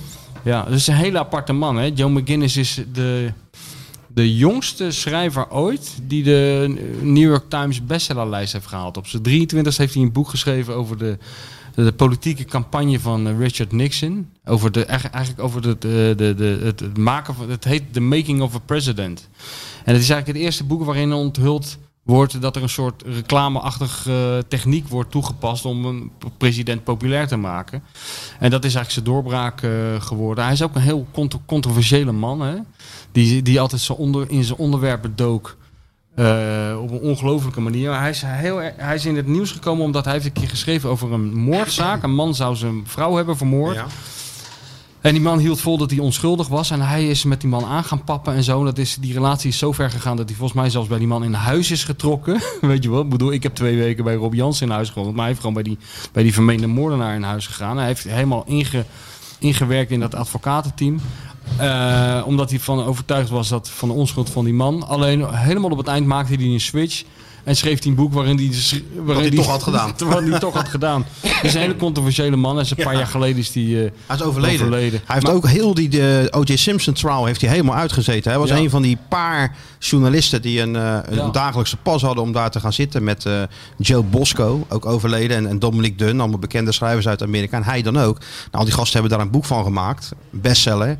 Hij is er elke dag bij geweest, maar heeft er geen letter over, over geschreven. Hij had een miljoen dollar voorschot om dat boek te schrijven. En hij raakte gaandeweg dat proces zo van overtuigd dat, dat eh, Simpsons eh, onterecht zou worden vrijgesproken. Dat hij, dat hij eigenlijk van ging walgen. En daar is ook zijn liefde voor het, Amerikaanse, of voor het Italiaanse voetbal ontstaan in die periode. Hij, kon er niet van slapen. Hij is toen op ESPN Is- eh, Italiaans voetbal gaan kijken. Een sport die hij eigenlijk nauwelijks kende. Hij kende de speelregels volgens mij Alleen nauwelijks. Alexi Lalas kende hij. Hè? Alexi Lalas kende die. En toen is hij, eh, zoals hij dat bij die andere onderwerpen dus ook deed, is hij er helemaal ingedoken. Is hij eerst Italiaans gaan leren. Hij is de Gazzetta dello Sport gaan, gaan bestuderen, de Serie A. En toen las hij dus op een dagje een heel klein berichtje dat er een klein clubje uit een bergdorpje in de Abruzze Abruzze, ja. was eh, gepromoveerd. En toen heeft hij die miljoen dollar teruggestort. Gezegd, eh, bekijk het maar met het O.J. Simpson boek. En toen is hij naar Italië getrokken. En dan heeft hij dus dat boek geschreven wat jij al drie keer hebt gelezen. Ja. En wat maakt het, vertel jij nou eens. Ja, het ma wat maakt het gewoon? Dat het een. eh, ja, hoe moet je dat nou zeggen? Het begint natuurlijk. Kijk, het enige vervelende aan het boek is dat het een Amerikaan is. Hè? En die het, het gaat uitleggen hoe voetbal een beetje wordt gespeeld. en eh, de regels. En, eh, dus dat, in het begin is dat, Dat wel eventjes doorbijten. gek, ja. In het begin is dat een beetje doorbijten. Ja, maar de, de, de surrealistische eh, wereld waar hij dan in terecht komt. Zelfs bij een clubje uit wat gepromoveerd is. vanuit de serie C naar de serie B. Waar eigenlijk eh, ja, de maffiapraktijken vanaf de, de vierde bladzijde al. Dan moet hij naar zo'n landhuis en dan wordt hij geïntroduceerd. En dan heb hij zo'n gekke, gekke trainer, Giacconi. Weet ik, Ja, die die ja, was dan trainer en die had. Ja, je moet het gewoon eigenlijk lezen. Ja, maar het is, weer hetzelfde patroon. Hij, hij komt in dat dorpje als Amerikaan. In een dorp waar ze, waar ze nauwelijks buitenlanders Klopt. zien. Weet je wel, een heel onaantrekkelijk gebied. Hij gaat weer helemaal op in die gemeenschap. Hij En gaat op eten eind- bij een aan Marcella elke dag en zo. En hij, dus hij, leert wordt een iedereen kennen. team. Hij wordt, hij wordt bevriend met met, met de spelers en de trainer. En op het eind is er een dilemma. eh, er is on- waarschijnlijk omkoping. Ze En hebben een is- punt nodig uit bij. Ja. ja, je moet ook niet alles eh, spoileren. Oh ja, dat is ook niet alles spoileren. Ze hebben een punt nodig, et cetera. En dan. Nou ja, dan komt het dilemma van het boek eigenlijk. Ja, het, wat tussendoor gebeurt ook van alle spelers die verongelukken. Een Nigeriaanse topaankoop die, Verdomd, die, ja, ja. die komt. Ja, dat is gewoon echt Topboek een is het. topboek is het. Weet je wie dat ook een heel goed boek Nou? vindt? Jean-Paul van Gastel. Ik heb het, toen dit boek uit- Oh ja? uitkwam, heb ik het hem aangeraden. En hij heeft natuurlijk ook in de Serie B gespeeld bij Terni. Bij Ja, ben jij geweest, hè? Ja, ben ik eh, de eerste week met hem mee geweest. En toen hebben wij zo vaak daar rondgelopen. En gezegd, ja, we zijn gewoon in dat boek terechtgekomen. Weet je wel, zoveel scènes hebben we meegemaakt die, die je bijna één op één kon, eh, kon vergelijken met dat boek. Ik weet nog dat we daar binnenkwamen in dat hotel. En er stond dan zo'n zo'n hele hysterische... Ondertussen stort de huismeester in, volgens mij. Nee, ze zijn weer een straatje. Oh, straatje aan het leggen. Ja, wij gaan gewoon door. hoor. Tuurlijk. Nee, Dus er stond- Rotterdam, de, hè, De voorzitter stond hem op te wachten en, te- en in de lobby van het hotel. En toen zat er een hele dikke journalist, een sigaar er ook, een soort Italiaanse Johan Derksen. En toen zei die man, eh, die voorzitter, zei, ik zal je even voorstellen aan, eh, aan hem. Hij zei, kijk, dit is de allerbeste journalist van eh, de omgeving hier. Deze man weet alles en schrijft niets op. dat, dat was zijn definitie van een goede journalist. Hij was leuk. Ja, dit is echt een topboek. En nog- ja, wel te verkrijgen bij... ja, ja, die is nog steeds. Alhoewel, ik liep laatst. hier tegenover heb je zo'n. Langs zo'n grasveldje heb je zo'n zo'n zo'n bibliotheekje waar mensen gewoon boeken in kunnen zetten die je mee kan nemen. Weet Oh, je? Ja, ja, dat heb je al af en toe. En dan zet je ze weer terug ook. En dan eh. zet je ze of, of je neemt heb jij er nog even 40 Jans tussen gezet, of niet? Maar daar stond, daar stond, Castel Di Sanco stond ertussen. Nee. ja, ja, Heb je die meegenomen ook, of Dus, niet? eh, nee, natuurlijk niet. Nee, nee, ik vond het juist wel leuk. Ik denk, kijk, zelfs de grote Joe McGinnis die eindigt dus zo. Wat kijk, ik wil maar zeggen, jij zegt Ik nou zie daar Gian, een, een ik staan. Heb, maar... Ik heb dus gewoon voor, voor het Gian-meesterwerk heb ik gewoon, daar heb ik 30 jaar heb ik die man gevolgd. Ik ben er de, diep in de binnenlanden van donker Afrika heb ik mijn leven gewaagd om dit de onderste steen boven te krijgen. En- en het is gelukt. Amerika, ni- niets is mij te gek geweest om deze geschiedenis. En hoe eindigt het? In een, in, in, in een Niet eens een tasje van de Bijenkorf. Nee, een spaartasje met een overschot aan boeken die niemand wil hebben.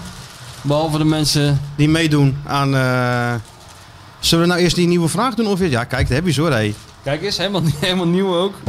Ongelezen. Allemaal meesterwerkjes. Gaan ze ook allemaal een beetje signeren? Is toch leuk, Ik ga toch? ze allemaal signeren, ja, tuurlijk. Voor de, dat is leuk, dat hoort erbij. Dan voel ik me nog een beetje schrijven. Ja, natuurlijk. Nee, ja, dat moet maar- je anders met onverkochte boeken. Een beetje signeren. Heb je nog wel genoeg onderzetters nu thuis? Want daar gebruik je ze toch ook voor. Geloof in dit, hè? Zo eindig Heb je jij dan. er ook een, Sjoerd? Ik heb er alleen. Ja, Heb jij, heb jij er alleen? Ja, ook met een handtekening van... eh, Nee, dat wilde je niet. Nee, wil je niet? Alleen Hey. Marco Timmer. Ja, dat dacht ik alweer, tuurlijk. Hey, ik zat een keer met Van der Grijpen, moest ik natuurlijk vaak signeren, weet je wel. En in het begin liep dat helemaal uit de hand. Ook. En toen kwamen er echt Wat honderden. teringherrie, man. Wat is dit? joh? Ja. Ja, je, ja, je kan, ja, we kunnen moeilijk, Sjoerd moeilijk naar buiten sturen om, eh, om even te zeggen dat het moet stoppen. Ja, nee. We, we gaan gewoon door tot Sjoerd ingrijpt. Als Ja. Sjoerd zegt, dit, dit begint een, een niveau te bereiken dat het echt Ja, irritant maar wordt. je kan het wel een beetje filteren, toch? En zo, dat soort dingen. Dit niet. Dit weer niet. niet weg te Oh. filteren dit.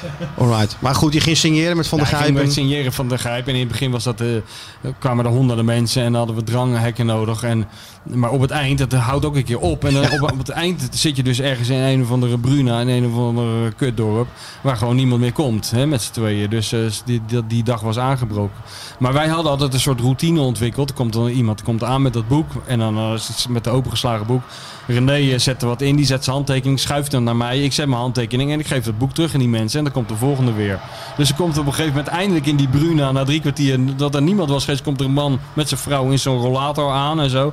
Beetje mur- morrend. Die pakt, eerst pakt hij dat boek. Die kijkt alleen maar naar, de, naar het prijskaartje. Die zegt, zo, dat is best wel duur zeg, zo'n boek. Die begint de he- hele tijd te zeuren hoe duur dat boek wel niet is. Dan zegt hij, nou, oké, ik, ik ga dit boek kopen. En die geeft dat boek aan Van de Grijp, die zet er wat in. En Grijp geeft het boek aan mij. Ik zet mijn handtekening, zegt die man, hé, hé, hé, wat is die man aan het doen? Waarom zit die man in mijn boek te krassen? Toen zegt Van de Grijp, ja, maar nee, maar dit is de auteur, eh, ouwe reus. Toen zegt hij, ja, maar die ken ik helemaal niet. Toen wilde hij geloof ik een nieuwe hebben. Ja, zo eindigt, zo eindigt het dan als bestseller-auteur. Met Ja. mensen die gewoon die handtekening, Ja, handtekening niet eens willen. Zo dus eindigt ik ga deze gewoon signeren of ze het nou willen of niet. 100 Zullen we eerst even de uitslag doen, Sjoerd? Van de, de- kijk, we de, de, de vorige... Ik dacht, hè, in een nieuwe rubriek, dit Feyenoord weet je, weet je niet. Ik heb een vraag, die weet niemand. Nou, Die is zo moeilijk. Die vorige vraag. Die vorige vraag, Ja, die is zo moeilijk. Dat gaat dagen duren voordat er, Ja, eh, Inderdaad. voordat er iemand eh, ik dacht ik met het juiste antwoord. Ik was mijn auto nog niet uit of eh, ping. Ja hoor. Ja hoor, dat was het eerste goede antwoord al. Ongelooflijk hè. Dus Sjoerd, jij hebt allemaal een beetje, een beetje eh, de goede antwoorden opgespaard hè? Die tienduizenden inzendingen. Ja, dat zijn best wel, nou, dat zijn best nog wel veel mensen. Notaris ligt die- nog die- bij te komen van de trekking. Zullen we weer gewoon, de moeten we de notaris roepen of doe het gewoon even zo uit de losse pols? Nee, maar we doen toch gewoon de eerste die het goed had, die heeft toch gewonnen? dat hebben we niet gezegd vorige Nee? keer. Oh, ik weet het. Ja, ik bemoei me er ook niet Maar mee. zullen we dat wel gewoon dan doen? Nou ja. Ik vond het eigenlijk wel knap. Anders is Sowieso van iedereen die het heeft ingestuurd is het natuurlijk knap. Nou. En blijf dat natuurlijk vooral doen. Dat insturen, het liefst naar Sjoerd. Maar de winnaar is dan eh, toch Tim van Dijk. Zijn we het daarover eens? Die was snel. Die was de eerste, hè? Nee, maar anders is het namelijk ook wel een stuk makkelijker als tien mensen voor jou die naam hebben. Ja, maar dat, is, dat doe je toch wel. Dan zou je dus kunnen denken dat mensen die het insturen dan afkijken bij de anderen. Zo zijn onze, onze luisteraars Oh, toch nee, niet? nee, nee. Nee, die, Nee, die zoeken dat natuurlijk helemaal zelf op. Maar Tim van Dijk wint een gesigneerd boek. Nou, inderdaad. Dan ga ik nu, als jij een pen hebt, dan ga ik dat nu goed Pen? gelijk doen. Van Dijk 1991. Wat 19, uit de- zo, nog jong ook dan. Goed zeg hij. Even kijken of we ergens, ergens een pen hebben. Ja, en, en gelijk even koffie dan, Stuart. Multifunctioneel allemaal. Nee, kijk, dat, Ja, dat, een topsport, die, dat topsportklimaat begint Ja, toch steeds ja. beter te worden. Gaat hij ja. al? Hij, hij doet het ook fluiten. Nee, maar het is wel knap als je dat gewoon weet. Want ik dacht, ik kreeg die vraag dan opgestuurd. Ja, het is ongelooflijk. Via, via Hans Jurgen. hè. Dat ik denk van, dat je, dat je hem kan verzinnen is al knap. Heb je al het antwoord gezegd voor de mensen die nog niet weten wat het is? Dat is natuurlijk wel handig. Het antwoord van de mensen die het... Jij wist hem toch? Nee, ik wist het Het helemaal niet. antwoord was Søren Larsen. Ja. Ik, ik wist niet eens Søren Lars. Ik weet niet eens welk gezicht daarbij hoort. Ja, dat is een hele lange Deense spits. Die was toen... eh, ik, ik weet nog goed dat ik Mario Been toen aan de lijn, eh, lijn had. Ik zeg van, dan krijg je er nog wat bij. Hij zegt, ja, een van de spits, een van de Søren Larsen. Ja, ik weet ook niet of het wat is, maar eh, laten we hem maar nemen, want we hebben ook al niks. Nou ja, hij heeft geloof ik één, keer- één keertje meegedaan. Maar deze jongen had dus wel ooit een keer... eh, namens Schalke een doelpunt gescoord in de Champions League tegen AC Milan, die eerder dat jaar de Champions League had gewonnen. Er zijn mensen die dat weten. Ja, ik vind het. eh, Hoe heette deze jongen nou die won? eh, wacht even kijken. Tim van voor de Dijk. zekerheid, voor de zekerheid. Tim van Dijk. Jongen, jongen, jongen, jongen. Nou, daar gaat hij Ja. Tim, daar ga je, jongen. Tim van Dijk. Je ziet wel dat ik dit niet voor het eerst doe, hè? Zie je hoe, hoe soepeltjes Dat dit gaat dan heel gaat? routinematig gewoon. eh. Is het nou elke keer ook hetzelfde verhaaltje? Of, Nee, of denk je er gewoon over, voor, over eh, na? Voor Tim eh, van Dijk. eh. Ja, nu heb je, maar normaal zet je toch van all the best of zo. En, Nu eh, heb ik geschreven voor Tim van Dijk, de man die dingen weet die bijna niemand weet. Veel leesplezier. Nou, dat is toch wel zo mooi. Hè? Ja. Oké. Maar op een gegeven moment wordt het natuurlijk wel gewoon dat je al met all the best of zo, eh, dan je Ja. handtekening of Ja. eh, veel leesplezier. Ja, wat is de datum? Nu? 17e. Ja, de rubriek die nog geen jingle heeft, kan niet lang duren voordat Nee. eh, dit Feyenoord weet je, weet je niet ook een jingle heeft. Ja, ja. Kijk, hij is alweer aan het, aan het nadenken. Ja, dat ik verwacht dat gewoon hoofd. deze week al als een, een los, los Studio Wisseloord heeft hij al ingehuurd, eh, heb ik gehoord. Met een heel eh, koor erbij.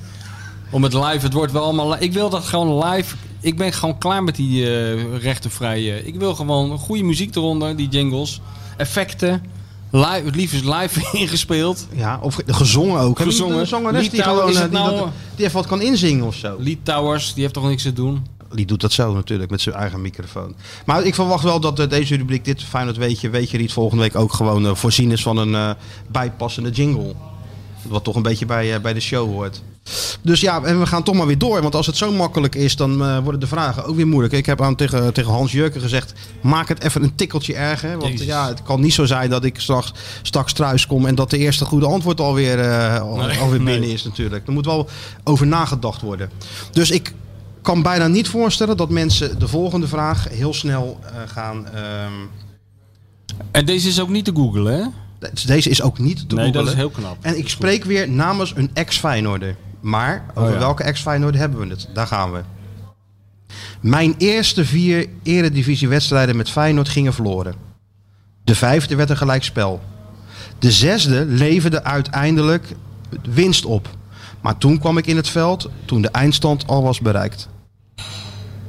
Dat klinkt als een soort toverformule. Ik zie jou eh, kijken en je denkt... wat- eh, Herman Emming van vroeger. Je zet een hele speciale soort quizmaster-achtige Ja, maar, ik, er ik, ja, maar ik, die, die intonatie gaat Ja, het ook om. Hè? Een beetje het de duidelijk is. pauze tussen de woorden, zodat de Ja, mensen het goed kunnen horen. Ik ga het ook nog één keer doen. Ja. Even kijken hoor. Nou, er schoot mij even niks te binnen. Nee? Zo op de eerste, nee, nee. Nog één keertje dan, met weer diezelfde intonatie die er hoort dan bij zo'n Ja, quizvraag. Dat doe ik wel goed eigenlijk. Ja, hè? ja. ja. Ik kan Een zo... soort eh, met die violen eronder, dat wordt schitterend. ja, ja. Mijn eerste vier wedstrijden met Feyenoord gingen verloren. De vijfde werd een gelijkspel. De zesde leverde eindelijk winst op. Maar toen kwam ik in het veld toen de eindstand al bereikt was. Dus wie is deze Feyenoorder? Ja, als wie het weet, ik vind het knap. Nou, inderdaad. Zeg. En ook diegene wint weer een gesigneerde... eh, Want we hebben er nog een paar, dus we, we kunnen nog een paar. En er moeten er nog een paar naar andere mensen. Ja, dat moet er- ja, Jij- klopt. Nee, die heb ik ook. verzaakt een beetje je... Nee, ja, die administratie. Ja, maar ik, ik heb wel meer te doen dan al die administratieve taken. Ja, ja. Die moeten eigenlijk naar Stuart. Stuart, jij ging dat toch doen ook? Een beetje voor je rekening nemen. Stuart doet ook de social media, neemt hij, eh, neemt hij voor zijn rekening. Dus als je nu allerlei eh, gifjes en dingetjes en Oh, ja, plaatjes en... Ja, als het modern, zeg maar, als het modern is geworden, weet je dat heeft Oh, Stuart ja. getwitterd. ja. En niet, eh, en, niet, en, en niet wij. Dus, maar we gaan inderdaad nog een paar boekjes eh, van de Honderdjaan gaan we versturen. En ja, de winnaar van, eh, van deze, deze, die deze vraag goed heeft, ja, die, als eerste, die wint ook weer een, eh een, een Kian boek. We kunnen Kian natuurlijk ook wel eens een keer in de uitzending Ja, halen. hè? Gewoon, gewoon Ja. eh, Mr. Michael, dat hij gewoon wat, wat, wat, wat leuks zegt voor... Ja. eh, ja, nee, af en toe krijg ik wel eens een... wij wisselen, wij wisselen wel voicemailberichten uit. Die zijn dan schitterend. Je krijgt altijd hele bijbelteksten erbij, gratis. En advies en dat soort gedoe is ook allemaal. goed voor de podcast. Gewoon als hij gewoon de, de podcast afsluit met een, Met een, nou, hij met een ook- overdenking. Nou, hij doet ook... thuis maakt hij ook radio voor Ghana samen met zijn vrouw. Zijn vrouw geeft dan adviezen, Anita, die geeft adviezen Oh, over ja. hoe je kinderen moet opvoeden, hoe je, en, hij, eh, en hoe je de Bijbel moet toepassen en zo. En eh, Chris zit er op de achtergrond een beetje amen te roepen en eh, af en toe geeft hij ook advies. Ja, goed man. Ja, dat is toch goed? Nou ja, een kleine overdenking aan het, aan Chris het Jan de- is een van de liefste mensen die ik ooit in mijn leven heb ontmoet. Kan niet anders zeggen. Zeker.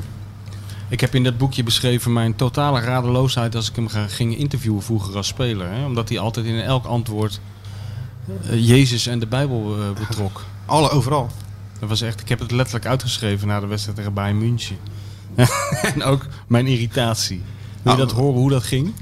Dat staat in dit meeste... lees, ja, ja, Nee, maar dat, omdat Kan je mensen, dat even voorlezen dan een stukje? Dat is toch even leuk? Omdat mensen dan ook begrip hebben voor wat jij de hele dag aan het doen bent. Meen ik Nee, maar dat is wel goed. Dan, mag, dan ben ik even een soort eh, op één eh, presentator. Of, of Matthijs van Nieuwkerk, want die vragen dat ook altijd.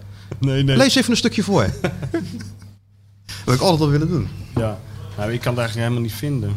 Ja, maar normaal ligt daar ook zo'n plakketje Ja, tussen. heeft Waar de- je, waar, waar je voor... Heeft de redactie dit eh, voorbereid? Ja, daar hebben we geen redactie. Nee, maar jij hebt dat toch ook wel eens geprobeerd om, eh, om Chris eh, te interviewen? Oh ja, dat, dat was dus na de wedstrijd tegen Bayern München. Maar hoe, dat ging dus zo, hè? Dan vraag ik dus aan hem... Heb je nog iets speciaals gedaan voor de wedstrijd? Tegen Bayern. Dan zegt hij, nee, niets speciaals. Na het omkleden heb ik me teruggetrokken in de doucheruimte, zoals altijd. Daar heb ik Jezus om kracht voor het hele team gevraagd. Dan vraag ik, baalde je niet dat je weer op de bank moest zitten? Nee, als je op de bank zit moet je niet boos zijn. Je moet bidden voor het team en Jezus om kracht vragen voor Feyenoord. In de Bijbel staat, everything has its time. Maar voelde jij nooit de aanvechting om eens met de trainer te gaan praten? Nee, waarom? Hij bepaalt toch niet of ik speel? Dat doet alleen Jezus. Ja, maar de trainer maakt toch de opstelling? Ja, maar Jezus bepaalt of ik speel. Hij is alles voor me. Jezus is eerlijk. Hij is de man. Dan vraag ik, ik blijf volhouden. Was het niet moeilijk om na zo'n lange tijd op de bank plotseling weer te moeten spelen? Ja, daarom heb ik tijdens de warming-up gezegd... Jezus, jij moet vanavond spelen voor Feyenoord. En dat heeft hij gedaan. Dus ik bedank Jezus. Nu raak ik geïrriteerd. Dus Jezus heeft ook meegedaan tegen Bayern München. Ja. Nou, hij stond anders niet op het wedstrijdformulier hoor. Nee, maar hij heeft meegedaan. Jezus doet alles. Tevreden kijkt hij me aan. Weet je wat, zeg ik? Ik ga lekker naar huis. Oké, thank you, zegt hij. En God bless you. Goed. Zo gingen die gesprekken. En dan moest je dan een pagina over schrijven.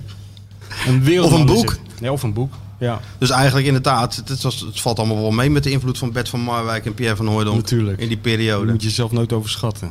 En ook nu weer. Het is helemaal niet dik advocaat die, de, die, eh, die wonderen verricht. Hè? Wat zou Dick Advocaat, wat heeft hij nou eigenlijk gedaan de afgelopen week? Weet je dat? Heb je nog, nog contact met hem bijvoorbeeld? Ja, ik heb Dick wel even gesproken. Ja, gewoon getraind. Kijk, dat is ook wel aardig. Die spelers dachten, nou, Interland, misschien eh, komt er wel een eh, vrij, extra vrij dagje aan. Vrij weekendje. Maar ze hebben een oefenwedstrijd gespeeld tegen ADO. Oh. Dat ging eh, nou niet zo heel jovel, geloof ik. 0-0.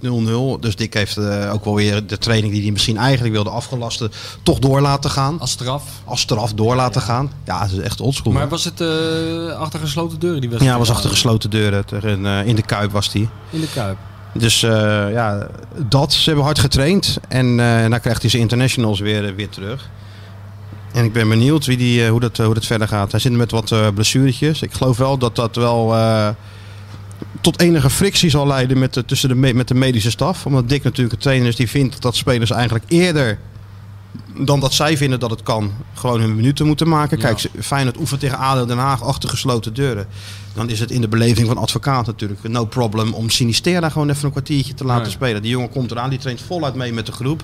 Maar ja, weet je, de medische staf is toch altijd wat anders. Die trappen wat harder op de rem en zeggen nou, even wachten nog. Ja, want die weten natuurlijk ook, ook als het misgaat, Ja. krijgen wij natuurlijk alles weer, eh, weer over ons heen. Maar ik ben Ja. wel benieuwd wanneer Sinistera zijn eerste minuten kan, eh, kan gaan maken. Ja. Maar de, de berichten zijn toch goed? Hij traint gewoon mee. Training en, ja. Hij traint gewoon mee. Dus ja. Afwachten met Kuksu zijn blessure is. Dat schijnt ook mee te vallen. Ja, alleen ver tot de winterstop weg. Bijlo eh, tot de winterstop weg. Ja, en nu naar Fortuna Sittard waar eh, Kevin Hofland is ontslagen. Hè? Ja. Dus dat wordt ook Ik weer dacht, wat. eh, ik volg dat niet zo hoor, de Fortuna Sittard. maar Nee, is dat niet hij- wat jij gewoon eh, had je... Nee, nee, maar Nee? Ik, ik dacht dat eh, die Hofland, dat daar, eh, die heeft toch wel dingen bereikt daar. Die had het, eh, Je hebt ze laten promoveren. Die heeft daar een heel Ja. traject doorlopen. Net zo lang. Die is als hoofdcoach geweest terwijl hij het eigenlijk niet mocht zijn zonder diploma. Ja. Met zo'n stroomman op, op de bank. En nou is die hoofdtrainer. Gaat niet helemaal lekker en een pleuren. Die turken hem eruit. ja. Zo gaat dat daar. Zo gaat het. Het heeft nog lang geduurd eigenlijk, als je dat, eh, de emotie eh, kent in... eh, Ja, Johan die verbond gelijk, hoorde ik gisteren op, bij VI, de rol van Hofland, eh, die die Hofland zelf ooit heeft gespeeld bij het vertrek van Verbeek, hè?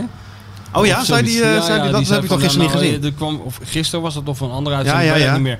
Maar in ieder geval kwam het erop neer van, nou goed, nou merk je dus als trainer ook hoe dat is, hoe hulpeloos je eigenlijk bent als, Dat is zeker als de zo. clubleiding of de spelers. 100 of allebei. Ja, 100 dat is ook Alleen zo. ja, wat, wat Hofland toen heeft gedaan, dat was natuurlijk wel echt nodig. Mhm. Dat kon gewoon echt niet langer meer. Iemand moest gewoon... eh, die- directie, maar die directie wilde het niet zien toen met, eh, met Erik Gudde en, en Peter Bos. Ja, dan moet je een etage hoger naar de raad van commissaris. Dat ging gewoon echt niet meer toen. Nee. Alleen het is wel, eh, ja, hoe moet je dat nou zeggen? Ja, pijnlijk als het je dan zelf een eh, Ja, het is ook pijnlijk elf jaar dat- later overkomt. Ja, en ook pijnlijk dat je dan na elf jaar nog aan herinnerd wordt. Als je dat een beetje namens de groep doet of zo. Weet je, is Zeker altijd namens een de beetje aan, jou, aan jouw naam Ja, verbonden. kijk, Van Bronckhorst ging daar zitten vertellen tijdens een persconferentie dat er niks aan de hand Nee. was. En Hofland zag gewoon, maar dat deed hij ook niet eens voor zichzelf. Nee, Voor, maar dat deed hij voor Carlo de Leeuw. Ja. Voor eh, de andere mensen die eh, rond die groep, rond die selectie werkten. Dat was gewoon met Verbeek viel gewoon niet te werken dat toen. niet te doen. Nee. Dat was niet te doen. Misschien dat het nu anders is. Want eh, ik kan me wel voorstellen dat, dat hij zal er ongetwijfeld ook wel iets van, eh, van hebben geleerd. Maar toen was het echt nodig. Ja, en dan ben je elf jaar verder. Dan ben je zelf trainer. En dan overkomt het je. Ja. Zo herhaalt alles zich in het, eh, in het Ja, voetbal. en je kan je er ook, denk, denk ik dan, dat nu niet waarschijnlijk bij die Hofland, maar uiteindelijk moet je er ook aan kunnen vasthouden dat het dus iedereen overkomt. Ook de mensen met een geweldige reputatie en carrière. Vroeg of laat krijg je, om met Frits Korbach te spreken, allemaal een brievenbus in je nek. Ja. Of met Frits trainer. Korbach eh, te spreken. Ik schaam me nu in het raadje Kruif, Michels Beenhakker. Na een ontslag. Ja, klopt. eh, feitelijk ook juist. Ach, Frits, ja. Ja. Zo zag je ze tegenwoordig ook maar niet meer. Hè? Dat is zo jammer hè, dat hij eh, dat die nooit trainer van Feyenoord is geworden. En Hij was er dichtbij, hè? Hij was er ontzettend dichtbij. Cor van der Gijp wilde hem als trainer halen. Hij, volgens, volgens Frits was hij al onderweg met de auto. En werd hij toen gebeld door eh Ome Cor, zoals hij hem noemde. En eh, zei hij toen, blijf maar, want eh, ik heb net ook een bijl in mijn nek gehad. en ze hebben mij eruit gegooid. Dat was maar dat was toch, ik bedoel, kijk, dat Disney, daar verheugen wij ons op. Maar dat was natuurlijk echt het boek, alle boeken, de documentaire, alle documentaires geweest. Frits Frits in de trainer Kuip. in de Kuip. Ja, dat was echt... eh Jammer dat het niet zo ver is Hij kon ook nog bijna naar Ajax, Frits. Ze ging ook alweer niet door. Nee, nee. Wat dat betreft een slechte, slechte timing. Ja. Nou, nog even op de tanden bijten. Polen, woensdag. Dat zal je ongetwijfeld niet zien. Nou, misschien ook wel. Joh. Oh ja? Ik bedoel, ik ben geen. Ik kom misschien een beetje eh, over alsof ik een soort oranje hater ben. Zo is het ook weer niet.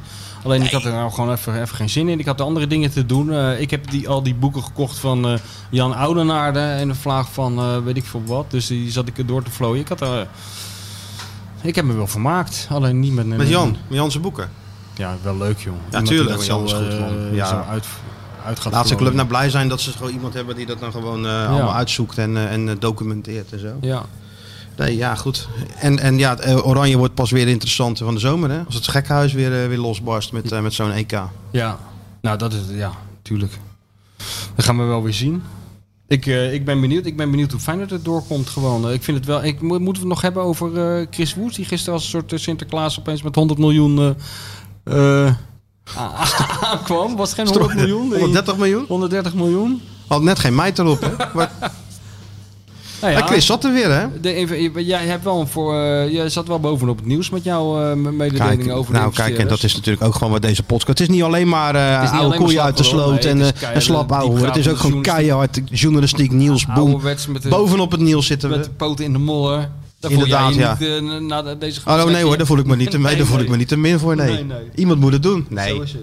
Nee, maar dat is toch de, de, de, combinatie die deze podcast zo eh, voor de mensen zo. eh, Ja. Het is een stukje nieuws, een stukje, stukje Opvoeding, verleden, een stukje opvoeding.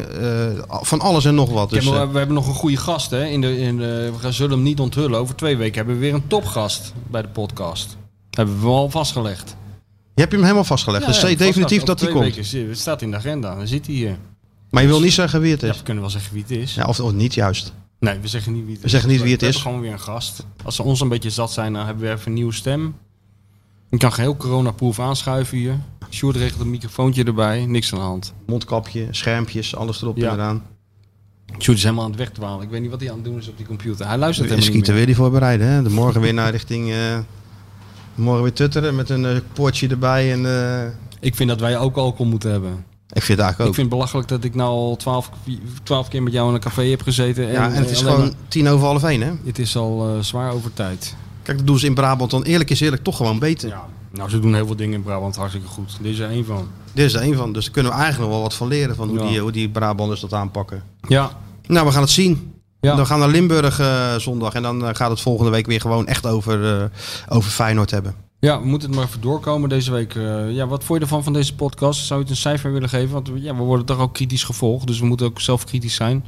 Ja, ik zou, ik, zou, ik zou het... Ja, dan moet ik hem eigenlijk terugluisteren. Ik luister hem, ik luister hem zo'n keer of wel 6, terug. 27 Ja, ja. luister ik hem terug. Met en een dan, coach toch? Een live coach? Ja, en dan maak ik aantekeningen en dan, eh, Ja. dan, krijg, en, en dan stuur ik jou wat er, wat er allemaal eigenlijk beter kan of niet Ja. kan. Eh, Joh, ik hoop gewoon dat de mensen het een beetje naar de zin hebben gehad. Wij in ieder geval wel. Zeker. Eh, we hebben weer prijsjes uitgedeeld. Volgende week een extra jingle. Prijsjes? prijsjes, ja, prijsjes.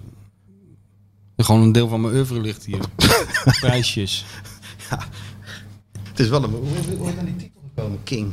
Ja, die heeft mijn dochter verzonnen. Nee, hij, eh, hij eh, noemde zichzelf zo. Of hij werd ook zo genoemd eh, de King of Ghana. King of Want toen, Hij liep altijd in van die gewaden.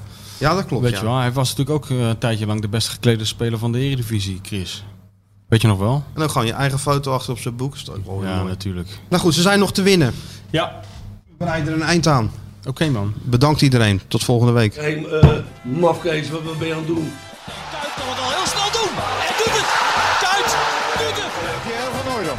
En ja! Het is Pierre van Hooydonkavond. Het is de Pierre van Hooydonk. Met elkaar communiceren, met elkaar praten, dat is toch een heel groot probleem hoor. Natuurlijk staat dit schitterende stadion bekend om zijn sfeer. Maar zoals vandaag heb ik het toch echt eh, zelden meegemaakt. Ik denk dat ik dat gezegd heb, maar dat heb ik niet gezegd.